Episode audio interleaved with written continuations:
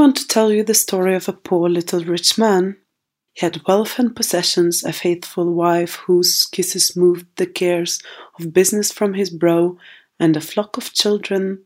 The poorest of his workers would have envied him. He was loved by his friends, respected by society. Everyone envied him since everything he undertook prospered. Today, however, things are quite, quite different. This is how it happened. One day the man said to himself, You have wealth and possessions, a faithful wife, and children, your poorest worker would envy you. But are you happy, really happy?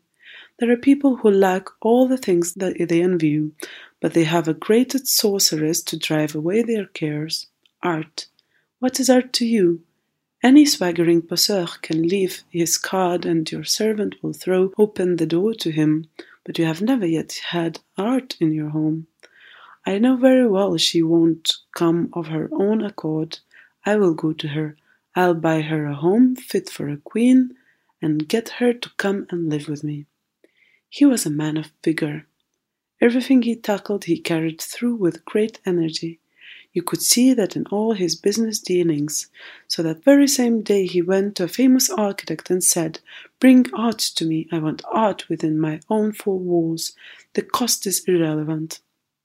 The architect didn't need to be told twice. He went to the rich man's house and threw out all his furniture, brought in an army of parquet layers, French polishers, masons, decorators, cabinet makers, plumbers, locksmiths, potters, carpet fitters, painters, and sculptors, and in no time at all art was housed safe and sound in the rich man's home. The rich man was overjoyed as he went round his new rooms, Wherever he looked, there was an art, art in anything and everything. He held art in his hand when he took hold of the door knob. He was sitting on art when he sat down on a chair. His head reposed on art when he wearily lay it on the pillow. His foot sank into art when he walked across the carpets. With the intensity of passion, he revealed in art. Since his plates boasted on artistic decoration, he took twice the pleasure in cutting up his boeuf d'oignon.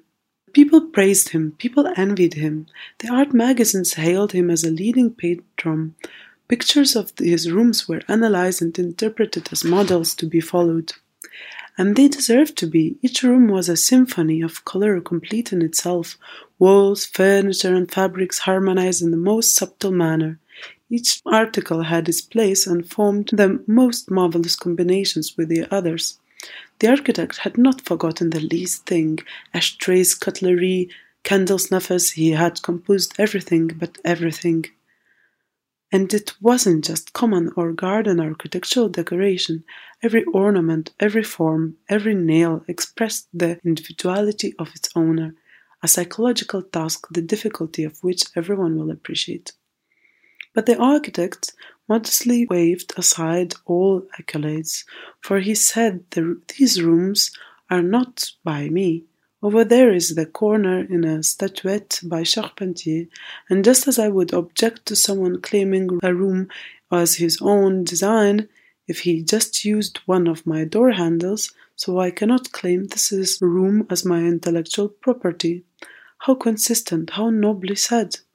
Many a cabinet maker who had papered the walls of the room with a Walter Crane paper, yet insisted on claiming the furniture as his own just because he had designed and made it, must have felt thoroughly ashamed of himself when he heard those words. But let us return to the, our rich man. I have already said how happy he was. From now on, as he spent a large part of his time studying his home, and he soon realized living in it needed practice. Every object had its own particular place. The architect had done more than could be expected. He had thought of everything in advance. The tiniest box had its special place, which was made just for it. Comfortable his apartment certainly was, but did tax the brain.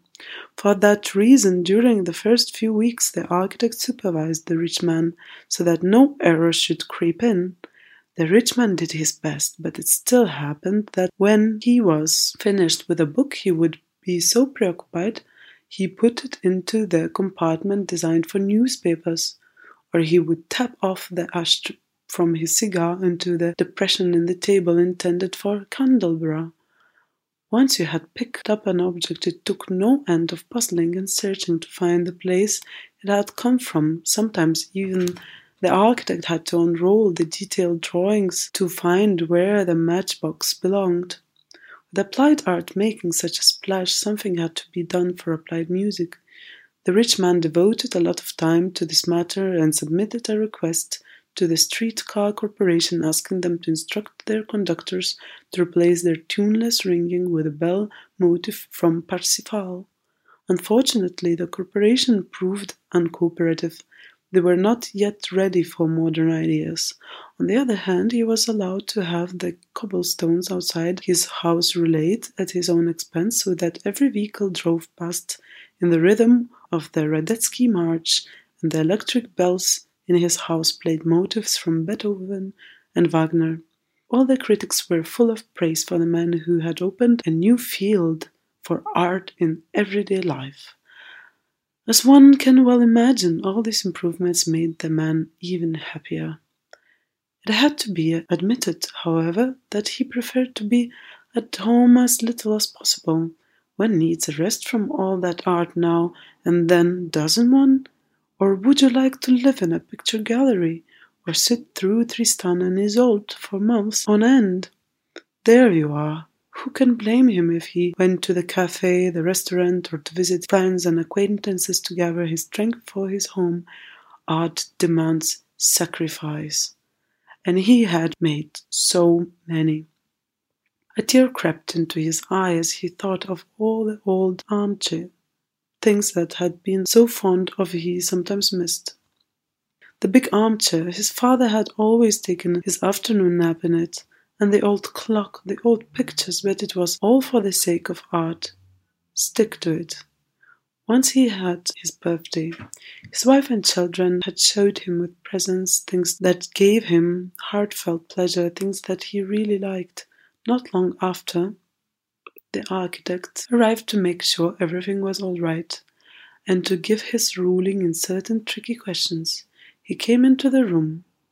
The rich man was pleasant to see him, for there were many things he wanted to ask. But the architect did not see the look of pleasure on his face. He had noticed something else. What are those slippers you're wearing? he gasped. The rich man looked down at his embroidered slippers and gave a sigh of relief. This time he was sure of his innocence. They had been made to the architect's own design. Have you forgotten already? he asked teasingly. You designed them yourself. I certainly did, thundered the architect. For the bedroom. Those two impossible splotches of color ruin the whole ensemble. Can't you see that? The rich man could see that. He quickly took his slippers off and was mightily relieved. The architect didn't object to his socks as well. They went to the bedroom where the rich man was allowed to put his slippers back on. It was my birthday yesterday, he began hesitantly, and my family have literally showed me with presents. I asked you to come so you could advise us where best to put all these things. The architect's face grew visibly longer as he listened, then the storm broke. What do you think you are doing? Getting presents given to you? Have I not designed everything for you? Have I not thought of everything? You don't need anything else. You are complete. But uh, the rich man ventured to reply, Surely I can buy myself something? No, you may not. Never. That's all I needed, things I didn't design. Isn't it enough that I allowed you the Charpentier statuette that robbed me of all the glory of my work? No, you may not buy anything else. But what if my grandson gives me something he made at kindergarten? You don't accept it. The rich man was shattered, but he still didn't give up. He had an idea, yes, an idea. And if I were to buy a picture at the secession, he thought he had caught the architect out. Then try and find somewhere to put it. Can't you see? There's no room left for anything. Can't you see that for every picture I hung up for you, I composed a frame on the wall, let into the wall? You can't even move one of the pictures, just try to find somewhere to put another picture. At that, a change came over the rich man. He no longer felt happy, he felt deeply unhappy. He could see his future life before him. No one could give him a little surprise any more. He would have to suppress all desire to buy as he walked past the shops. Nothing was being produced for him any more. None of his nearest and dearest could give him a picture. Painters, artists, craftsmen did not exist for him any longer. He was shut out of all future life and longing, all striving and struggle. The time had come, he felt, to learn how to go round with his own corpse. Yes, he is finished. He is complete.